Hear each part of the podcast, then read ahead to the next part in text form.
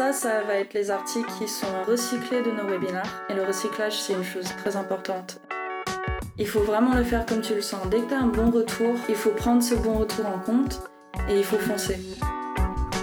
Bonjour à toutes et à tous, vous écoutez Content Room, le podcast de Stay Tuned. Stay Tuned, c'est la plateforme d'audio engagement qui permet aux entreprises d'exploiter tout le potentiel de leur podcast et autres contenus audio. Dans Content Room, on part toutes les deux semaines à la rencontre de content marketeurs des entreprises les plus innovantes afin d'en savoir plus sur leur stratégie. Je m'appelle Camille, je serai votre hôte sur ce podcast et aujourd'hui, j'ai le plaisir de vous présenter Mélanie Mollard, Fashion Content Manager chez Euritech. Bonjour Mélanie, bienvenue dans Content Room et merci d'avoir accepté notre invitation. Et merci à toi de m'accueillir sur ce podcast. Du coup, je vais te laisser euh, commencer par te présenter pour ceux qui ne te connaissent pas et comme, présenter aussi euh, Euritech et, euh, et, ton poste. alors moi, ça fait à peu près un an que je suis chez Euritech et j'ai fait des études en, linguistique française avec une intersection avec le journalisme et la mode. et c'est surtout pour ça que le rôle chez Euritech m'a accroché parce que c'est un mariage de la mode et la rédaction. Mes missions, euh, ça dépend du contenu que je vais créer. Et on a, une, on a toute une liste de, types de contenus. Alors ça peut être euh, les posts sur les réseaux sociaux, sur LinkedIn, sur Twitter et sur Instagram. Et ce contenu va être différent pour chaque réseau. après, j'ai créé des articles pour notre blog. Et on a deux types d'articles. On va soit faire des articles qui visent directement les marques qui leur parlent directement de leur stratégie et des solutions qu'on peut leur proposer. Euh, soit on va écrire des articles sur les tendances du marché ou euh, sur, euh, sur les, les, actualités de, de, la mode et de l'entreprise également. j'écris aussi, j'écris et je présente aussi les webinaires avec, avec, avec mon équipe. Euh, je contribue à créer des trend reports que je vais expliquer plus tard. Euh, on, a, on, a, on a beaucoup de types de contenus que, que dépend de, de, de, la cible en fait. Ok, ça marche. Et euh, pour nous présenter un peu Euritech, vous avez fait une belle levée il y a un an à peu près, mais euh, tout le monde ne connaît pas forcément. Donc, est-ce que tu peux nous, résumer ce que vous faites chez Euritech Oui, bien sûr. Euh, Euritech, c'est une plateforme de prédiction de tendance basée sur l'intelligence artificielle pour aider les marques de mode. Alors, Euritech a été fondé en 2013 par deux chercheurs en intelligence artificielle qui ont développé une technologie de, reconnaissance d'images qui va analyser les images partagées sur les réseaux sociaux pour euh, identifier euh, les textures, les objets, les couleurs, etc., euh, pour pouvoir créer des données sur les tendances. alors tout ça va aider les marques à, à leur conception de collection, à, gérer les, enfin, la gestion d'achat, de, réassort et de comment cibler euh, leur audience. Ok, super intéressant. Et si tu pouvais résumer le, le, positionnement en une phrase d'Euritech, euh, qu'est-ce que tu dirais?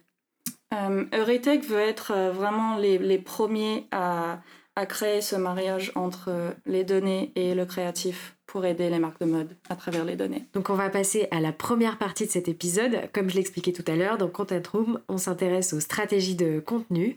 Donc comme toute stratégie de contenu, j'imagine que tu as dû la commencer en te fixant des objectifs. Est-ce que tu peux nous en dire un peu plus, s'il te plaît? Alors euh, on a deux stratégies principales. Euh, le premier va bien sûr être euh, bah, signer les grands comptes.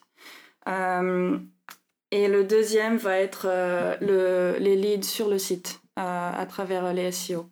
Ok. Et donc tu disais que tu, euh, tu ciblais des, des, voilà, des marques de mode. Est-ce que tu as différents buyer persona? Parce que j'imagine qu'on va pas s'adresser pareil à un H&M et à un Louis Vuitton par exemple.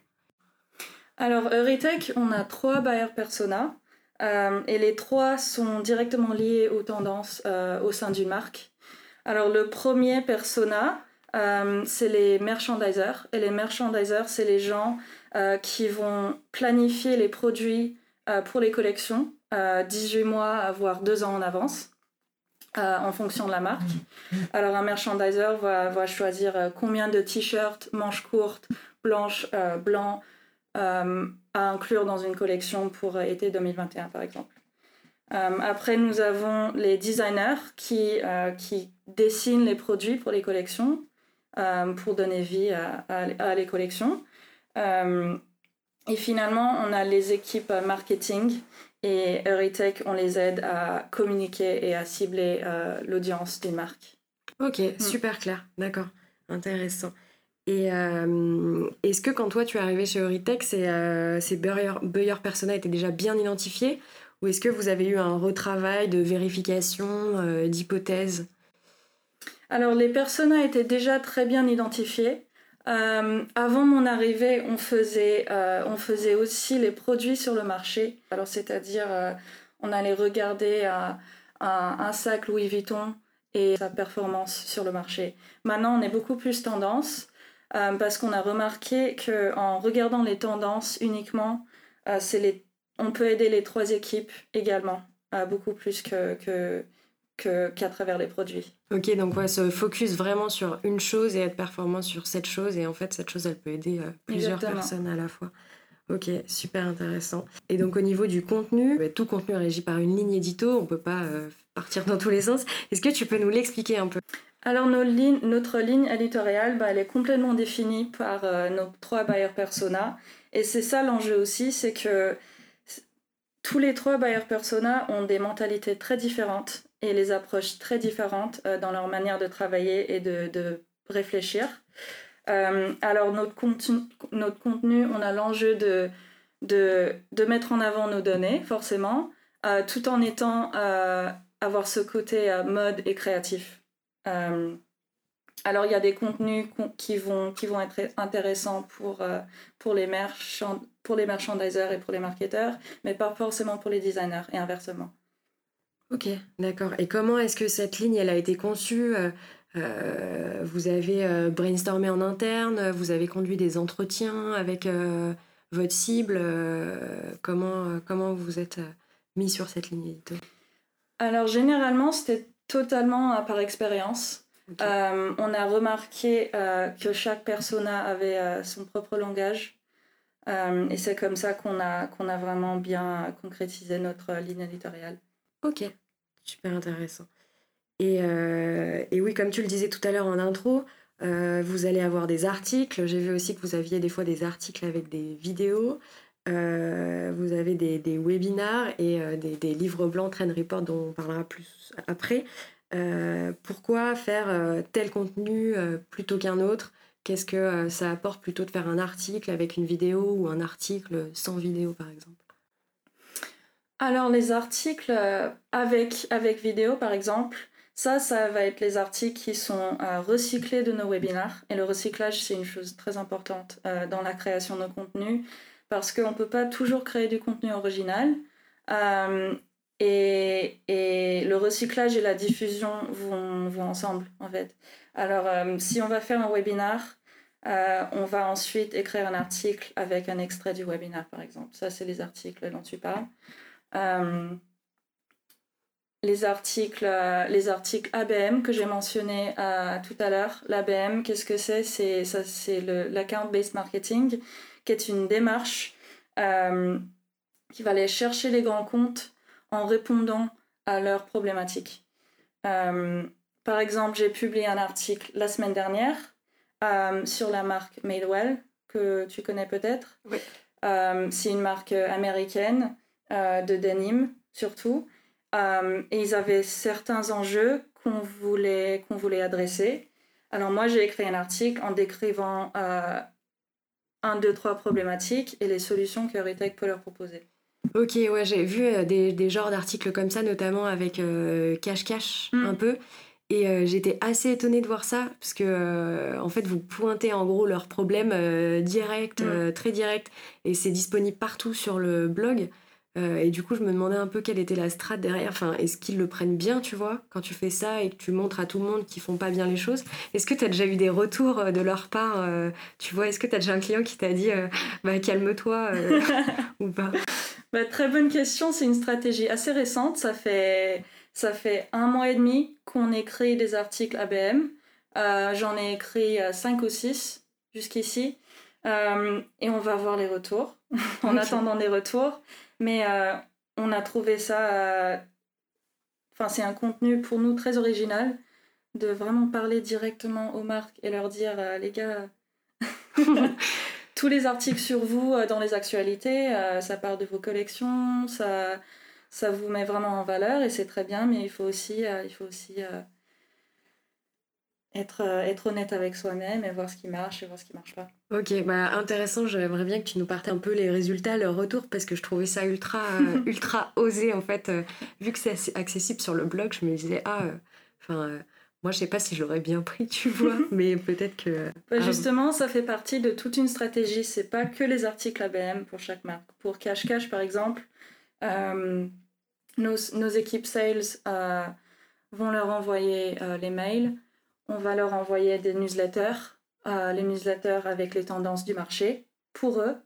Euh, on va leur envoyer euh, les trendbooks avec les tendances du marché qui, les, qui peut les intéresser, avec les segments de consommateurs qu'ils achètent chez eux, qui achètent chez eux, avec la géographie qui les concerne également. Alors ça fait partie de toute une, toute une stratégie de contenu dont les articles font partie. Ok, et du coup, euh, à, quoi ressemble un peu euh, ta séquence euh, Je sais pas si tu peux nous en parler ou pas, justement une séquence pour un, ABM, justement. Alors, on va commencer en leur envoyer des mails.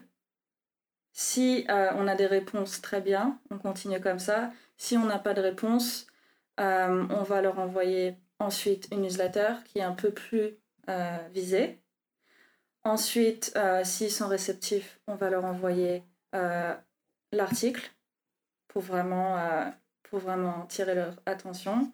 Ensuite, on va leur envoyer la trainbook parce que la trainbook, c'est vraiment quelque chose qui prend du temps, euh, qui est fait uniquement pour eux. Et ça prend le temps de, nos, de, nos, de plusieurs équipes chez Ritech. Ok, super clair. Et du coup, tous ces contenus un peu que tu as sur ton blog, donc en, en, dehors de tes newsletters, tu les diffuses euh, sur quel réseau euh, Est-ce que tu les diffuses tous sur les réseaux sociaux? Est-ce que tu fais un peu de SIA avec ou pas du tout? Alors ça va dépendre du contenu. Euh, les événements, si on peut les appeler comme ça, les webinars, on va les diffuser partout. On va les annoncer sur nos réseaux. On va, en faire des articles après de recyclage. on va tirer des données du webinar pour en faire des newsletters. pour les articles, ça va dépendre euh, sur le type d'article si on le communique ou pas. Par exemple, nos articles ABM, on ne va pas forcément les communiquer sur LinkedIn. Euh, mais nos articles euh, sur les tendances des dernières Fashion Week, par exemple, on va les mettre en valeur sur Instagram, par exemple, parce qu'Instagram, c'est un, c'est une plateforme où il y, a beaucoup de, il y a beaucoup de créatifs dessus. Ok. Ouais, euh, c'est une grande question avec Instagram parce que c'est plutôt utilisé dans le cadre euh, privé. Mm. Et, euh, et c'est une grande question pour les marques B2B parce que j'ai l'impression qu'elles savent pas trop encore comment l'exploiter à fond. Est-ce qu'on fait juste un peu du, c'est genre du contenu RH sur Insta ou est-ce qu'on va être pushy, avoir des pubs? J'ai l'impression qu'on a de plus en plus, tu vois, de, de pubs sponsor pour des tools B2B, euh, c'est intéressant. Est-ce que tu as un peu une fréquence de publication? Oui, tout à fait. Sur Instagram, c'est tous les jours. Ah euh, c'est tous les jours à 18h, parce que c'est l'heure où il y a le plus de trafic sur la plateforme. Je pourrais pas te dire pourquoi. Euh, et on, va, on organise nos posts par thème par jour. Alors les lundis, ça va être un post inspirationnel on appelle. Alors on va parler de, de la mode durable, on va parler de... de cette semaine, j'ai parlé d'un documentaire sur Pierre Cardin. Euh, les mercredis, par exemple, on va parler de la fashion tech. Euh, alors on va parler d'une innovation récente dans la mode. Euh, et les vendredis, finalement, on va parler de, On va donner une tendance, on va donner les données de Ritech euh, et c'est le genre de contenu qu'on donne gratuitement. Euh, mais on se dit que ça peut attirer les gens s'ils voient qu'on a les vraies données à leur donner, euh, qu'ils vont être assez curieux pour venir vers nous pour en avoir plus. Ok, ouais, c'est cool, c'est très intéressant et ça fait une transition exceptionnelle avec la, la, partie qui suit, parce que justement, j'aimerais qu'on rentre un peu plus dans un détail d'un contenu différenciant. Et chez vous, ce qui est, euh, ultra intéressant sont vos livres blancs qui sont des, des trend reports dont tu parlais à l'instant. Et j'avais envie de savoir un peu comment est venue l'idée de faire ça et comment ça a été accepté en interne. Parce que tu disais justement que c'est de la donnée Euritech que vous donnez du coup gratuitement. Donc c'est un peu comme un modèle freemium. Donc voilà, savoir comment cette idée, vous est venue euh, et, comment ça a été accepté en interne de dire bon, bah, on va donner euh, quelque chose gratuitement et euh, potentiellement ça va fonctionner derrière Alors au départ, il faut savoir que Retech, on a, deux plateformes digital, digitaux, digital. Digital. On a deux plateformes digitales. on a les market trends qui vont être les tendances sur le marché, les couleurs, les textures, tout ce qui s'ensuit. Après, on a une plateforme qui s'appelle le Product Performance, euh, qui va être euh, un sac, euh, une paire de chaussures, les, vraiment les produits du marché. Et au départ, on donnait accès, un accès limité, hein, mais un accès à nos clients et nos clients potentiels pour qu'ils puissent voir vraiment ce qu'on, ce pourrait faire pour eux. et finalement, c'était dur à traquer, c'était dur à voir qui allait vraiment sur la plateforme, quel persona, euh, pour quelle durée. Alors finalement, on s'est dit qu'on allait faire les trendbooks parce que dans un premier temps, ça nous permet de traquer beaucoup plus euh, parce qu'on leur envoie ça par, mail et vraiment à les personas qu'on connaît, personnalisés, qu'on vise directement la marque. Et, euh, dans un deuxième temps parce que ça fait euh, tout simplement ça fait beaucoup plus mode d'envoyer euh, une sorte de, de, magazine. Ok ouais plutôt que donner euh, un accès freemium où c'est gratuit comme dans une boîte SaaS B2B normale ouais c'est moins leur, leur truc ils sont moins habitués. Bah, c'est toujours l'enjeu chez Retech. Les merchandisers ils ont adoré par exemple la plateforme parce qu'il y avait que des chiffres. Ils voyaient que des chiffres et c'est des personnages qui adorent ça par contre, les designers, s'ils voient que des chiffres, euh, ils sont un peu perdus. Eux, ils veulent voir des images, ils veulent voir, euh, ils veulent voir des mood boards.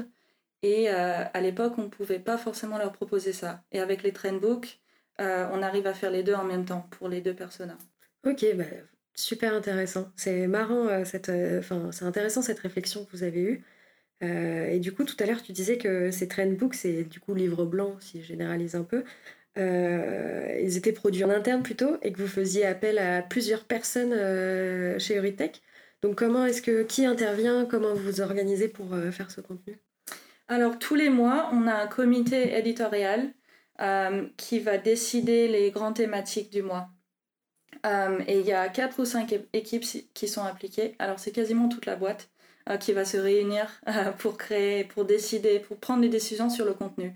Alors d'abord, on a les équipes, on a notre équipe mode euh, qui va nous apporter, euh, euh, qui va nous faire la veille sur, sur le marché, qui va globalement nous apporter son expertise dans la mode. On a l'équipe marketing et marketing dont je fais partie, qui va principalement créer le contenu concrètement. Après, on a les équipes euh, sales et clients qui vont nous donner leur, euh, leur feedback et nous rapporter leurs discussions avec les clients euh, pour qu'on sache vraiment comment, vraiment comment parler aux marques et aux clients. Et finalement, on a nos data scientists qui sont indispensables parce que c'est d'où viennent, c'est de eux d'où viennent toutes les, toutes les données qu'on peut, qu'on peut, qu'on peut fournir.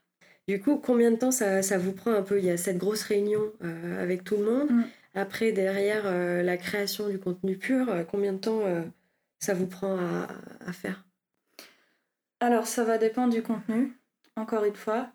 les trendbooks, ça, ça va être l'équipe mode qui va s'occuper de la création du trendbook avec le contenu, avec les données de, de, des équipes data scientists et les feedbacks des équipes sales, mais ça va être l'équipe mode qui va, qui va concrétiser le contenu.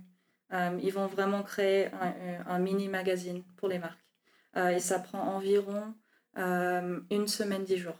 Et comment ça se passe? Est-ce que tu as une séquence d'emailing pour pousser ce contenu? Ou est-ce que les marques, dès qu'elles reçoivent le trend report, elles vont l'ouvrir et, le, regarder directement? C'est ça. Les trendbooks font partie de notre funnel. Alors les trendbooks vont être la troisième ou la quatrième étape dans le funnel, sachant que on a déjà envoyé les mails, on a déjà envoyé un article ABM, on a déjà envoyé une newsletter, on a peut-être déjà envoyé encore plus de mails si les gens nous répondent. Euh, on a pas mal échangé avant d'envoyer cette Rainbook parce que c'est des données euh, assez sensibles euh, qu'on ne veut pas donner à tout le monde s'ils n'ont pas l'air très chauds. Ok. Mm. Mais et du coup, ça c'est uniquement à destination de vos prospects ou est-ce que vos clients, vous leur envoyez en parallèle euh, quand même euh, ces trendbooks euh? Alors nos clients, ça va pas être exactement pareil parce que souvent nos clients vont nous, vont nous demander des questions très précises. parce que nos clients, ils, ont déjà une idée en tête de ce qu'ils veulent faire pour une prochaine collection. Par exemple, euh, si, euh, si une marque veut se lancer en Chine, une marque européenne veut se lancer en Chine, la marque va nous demander les tendances du marché chinois euh, dans six mois, dans un an, dans un an et demi.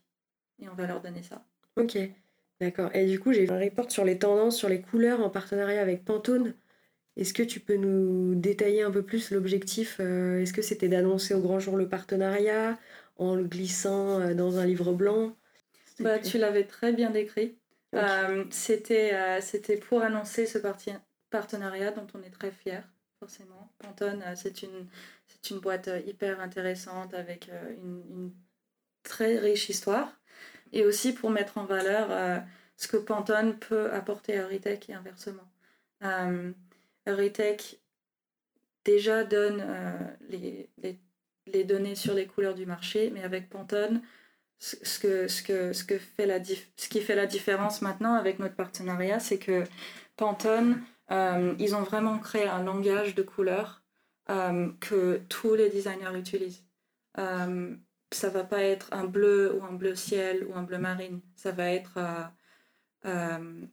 un bleu 1, 2, 3, 3B. Ouais. ok, mm. ouais, super intéressant. Et en général, es... tous ces livres blancs, la structure, comment est-ce que tu les construis, comment tu arrives à glisser subtilement Euritech euh, euh, dedans et pas à faire, enfin vraiment à importer un, un contenu utile mm. pour ta cible et pas euh, juste à dire mon produit c'est le meilleur. Comment est structuré un peu, parce que moi j'ai regardé donc je sais, tu vois, mm-hmm. mais pour les personnes qui nous écoutent, est-ce que tu peux expliquer un peu la structure de tes livres blancs?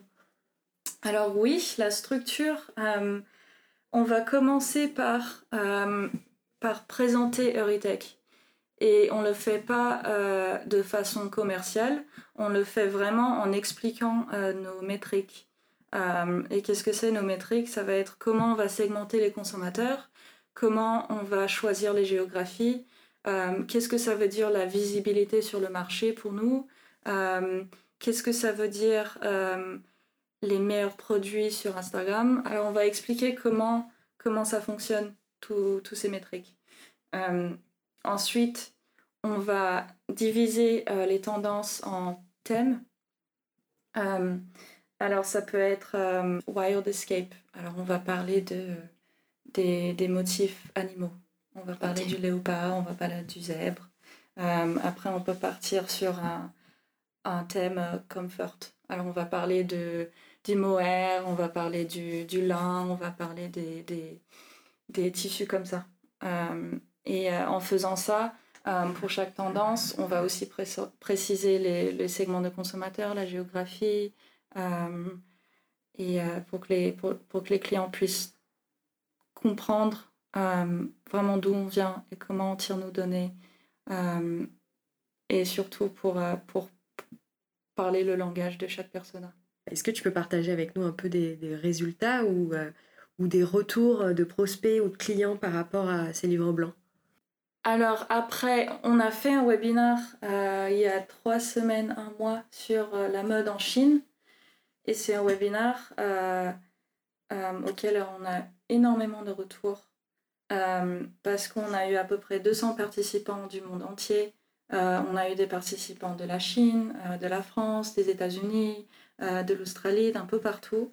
Et ce qui était très intéressant, c'est qu'on a eu beaucoup de retours de, tous les personnages de toute géographie en nous disant que la Chine représente un marché très intéressant avec beaucoup de potentiel pour l'avenir. Et on ne s'attendait pas forcément à tous ces retours pour, pour un webinaire sur la Chine. On s'attendait plutôt à, plus de retours sur, sur notre webinaire le plus récent sur les Fashion Week par exemple. Je pense que vous avez beaucoup de retours ici parce que tu as des marques qui vont vouloir aller s'implanter en Chine. Mhm. Et pour elles, c'est compliqué parce qu'elles n'ont pas forcément d'équipe euh, chinoise. Et du coup, vous allez vraiment leur permettre de comprendre euh, le marché et de savoir un peu comment l'adresser. Et ce webinaire dont tu parles, vous l'aviez adapté aussi en report En report, exactement. Est-ce que tu as des, un peu des résultats ou des retours clients sur cette adaptation? Euh, Je ne peux pas citer des clients précis. Euh, mais, euh, mais on, a eu, on a eu vraiment beaucoup de retours sur, sur ce rapport, ça fait vraiment très plaisir. Et c'est aussi pour ça qu'on a décidé de recycler vraiment à fond ce, ce webinaire. hier, par exemple, j'ai publié un article de recyclage sur ce, sur ce webinaire. Demain, j'en publie un autre. On, en, on en a fait trois newsletters. On a publié beaucoup sur les réseaux également. on diffuse et on recycle vraiment à fond. Ok, ouais, dès que vous voyez qu'il y a un truc qui cartonne, euh, Exactement. vous n'hésitez pas à le prendre en contenu un peu héros et, euh, et tout décliner, euh, faire tout ce qui est possible de faire dans tous les contenus. Exactement, et c'est ça qui est très bien aussi, c'est qu'on a vraiment beaucoup de données. Nous avons une équipe mode très avant-gardiste et très diverse. Notre analyse de mode, elle est chinoise par exemple. Notre curateur, curateur fashion, elle est canadienne. Notre directrice de création, elle est française. Euh, et c'est vraiment un point fort parce que tout, toute notre équipe, elle, apporte, euh, elle apporte un savoir-faire sur le marché qui n'existe pas peut-être ailleurs. Ok, top. Et du coup, j'aimerais bien que tu, euh, nous donnes un peu des conseils sur ce côté recyclage, entre guillemets, de contenu existant à quelqu'un qui voudrait faire la même chose. Euh, qui euh, ose peut-être pas encore le faire parce qu'il a peur de se répéter. Mm. Est-ce que tu as des best practices euh, ou des conseils à, à, lui donner? Pour Eurytech en particulier, en tout cas, nos points forts, c'est vraiment nos données sur le marché. Alors c'est souvent le genre de contenu que je vais prendre pour, pour recycler. le webinaire sur la Chine, par exemple, elle était divisée en trois parties. Mais pour mes deux articles de recyclage, j'ai pris la partie euh, qui décrit euh, les thématiques du marché euh, avec les données derrière. Parce que c'est, les données vont intéresser les, les personas. et si je parle des thématiques également, ça va intéresser les autres. mais pour le, pour le recyclage plus globalement, il faut vraiment le faire comme tu le sens. Dès que tu as un bon retour de quelqu'un, euh, il faut prendre ce bon retour en compte et il faut foncer. Si euh, on me dit qu'un que, article sur, euh, sur les tendances pour le menswear, par exemple, n'a pas très bien marché, bah, je vais laisser tomber et je ne vais pas forcément faire les posts dessus.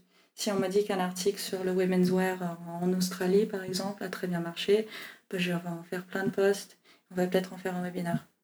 Ok, d'accord. Il, il faut, vraiment écouter ses clients parce que nos idées à nous, des fois, traduisent pas comme on, comme on pensait. Euh, mais des fois, on est surpris par, euh, par les retours de nos clients, mais il faut les écouter. Euh, il, faut, il faut leur donner, faut leur donner ce qu'ils attendent. Ok, top, super intéressant. Et quelque chose d'un peu plus focus pour quelqu'un qui voudrait commencer ou, ou qui voit, qui patine un peu avec ses livres blancs. Et donc, est-ce que tu peux nous donner des conseils par rapport à, toute ton expérience avec euh, les trend reports que vous faites chez Euritech? L'importance est vraiment d'être organisé parce qu'un livre blanc, ça demande beaucoup d'efforts, ça demande beaucoup de temps, ça demande beaucoup de travail. Euh, et il faut être très organisé et il faut pouvoir partager son travail euh, au sein d'une équipe. C'est pas possible de le faire tout seul il faut, vraiment regarder l'expertise de chaque personne dans ton équipe et te dire que cette personne, elle fait ça très bien, cette personne un peu moins bien, cette personne, elle a un savoir-faire dans ce milieu. Il faut départager euh, tous ces savoir-faire euh, pour, euh, pour pouvoir créer un contenu vraiment original que tu peux pas forcément faire tout seul. On passe maintenant à la dernière partie de l'épisode. C'est une partie où on prend un peu plus de hauteur euh, sur les stratégies de contenu. Première question, où est-ce que tu vois Euritech dans les prochaines années?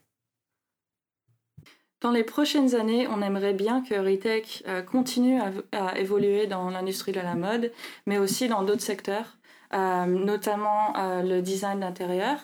parce qu'avec notre partenariat Pantone, précisément, les designers de l'intérieur, d'intérieur, ils utilisent énormément euh, le langage Pantone euh, pour choisir euh, les tissus pour, pour les canapés ou la peinture pour les murs ou tout ce qui s'ensuit. ce serait vraiment très intéressant de voir Euritech pouvoir rentrer dans ce milieu et je pense que c'est très envisageable parce qu'on est déjà dans un milieu créatif et, et le monde est très petit entre la mode et entre les designs de l'intérieur, euh, entre la création de céramique. Il y a vraiment beaucoup de choses qu'on pourrait faire. Ok, donc avoir euh, Euritech présent sur euh, d'autres marchés, c'est super intéressant.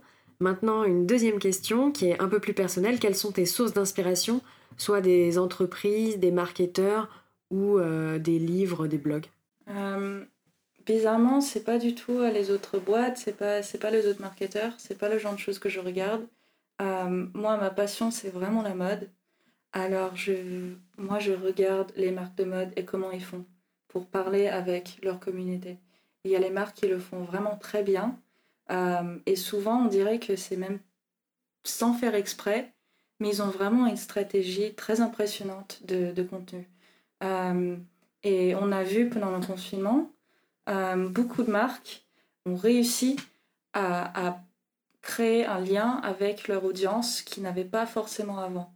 Euh, par exemple, euh, Bottega Veneta, pendant le confinement, toutes les semaines, tous les dimanches, ils ont fait une interview sur Instagram Live avec une personne euh, de la marque, une personne différente toutes les semaines, pour parler de leur, de leur rôle chez Bottega Veneta. Il y a Supreme qui, une fois par semaine, a lancé une playlist euh, pour, euh, pour leur audience sur, euh, sur, sur Instagram et Twitter. Et c'est ça le genre de contenu que je trouve vraiment très intéressant parce que c'est très personnalisé et tu as l'impression d'être ami avec, avec tes marques préférées.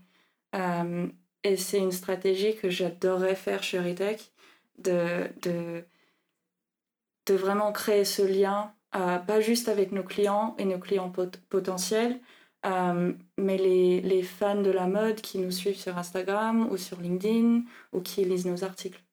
Ok, ouais, super intéressant. Vous avez aussi genre des fans de mode qui viennent vous suivre pour euh, savoir quelles ah vont être un peu les tendances euh, prochaines. Mm. Et dernière question de, de cet épisode, si demain ton ou ta boss venait te voir en te disant Ok, Mélanie, budget illimité, quel contenu tu rêverais de créer pour Euritech?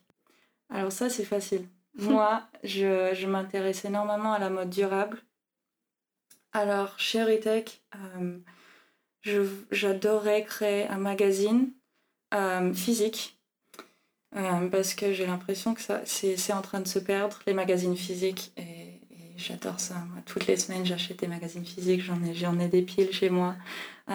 et chez Ritech, j'adorais créer un magazine physique focalisé sur les marques de mode durable pas juste en France, mais aux US, euh, en Chine, partout dans le monde, euh, pour vraiment mettre en avant ces marques, pour, pour leur faire de la publicité gratuite en fait, tout en donnant tout en donnant les tendances du marché et comment ça peut rentrer dans les problématiques et créer des solutions pour les marques de mode durable qui ont souvent du mal à créer un public parce que c'est un mouvement assez récent dans la mode.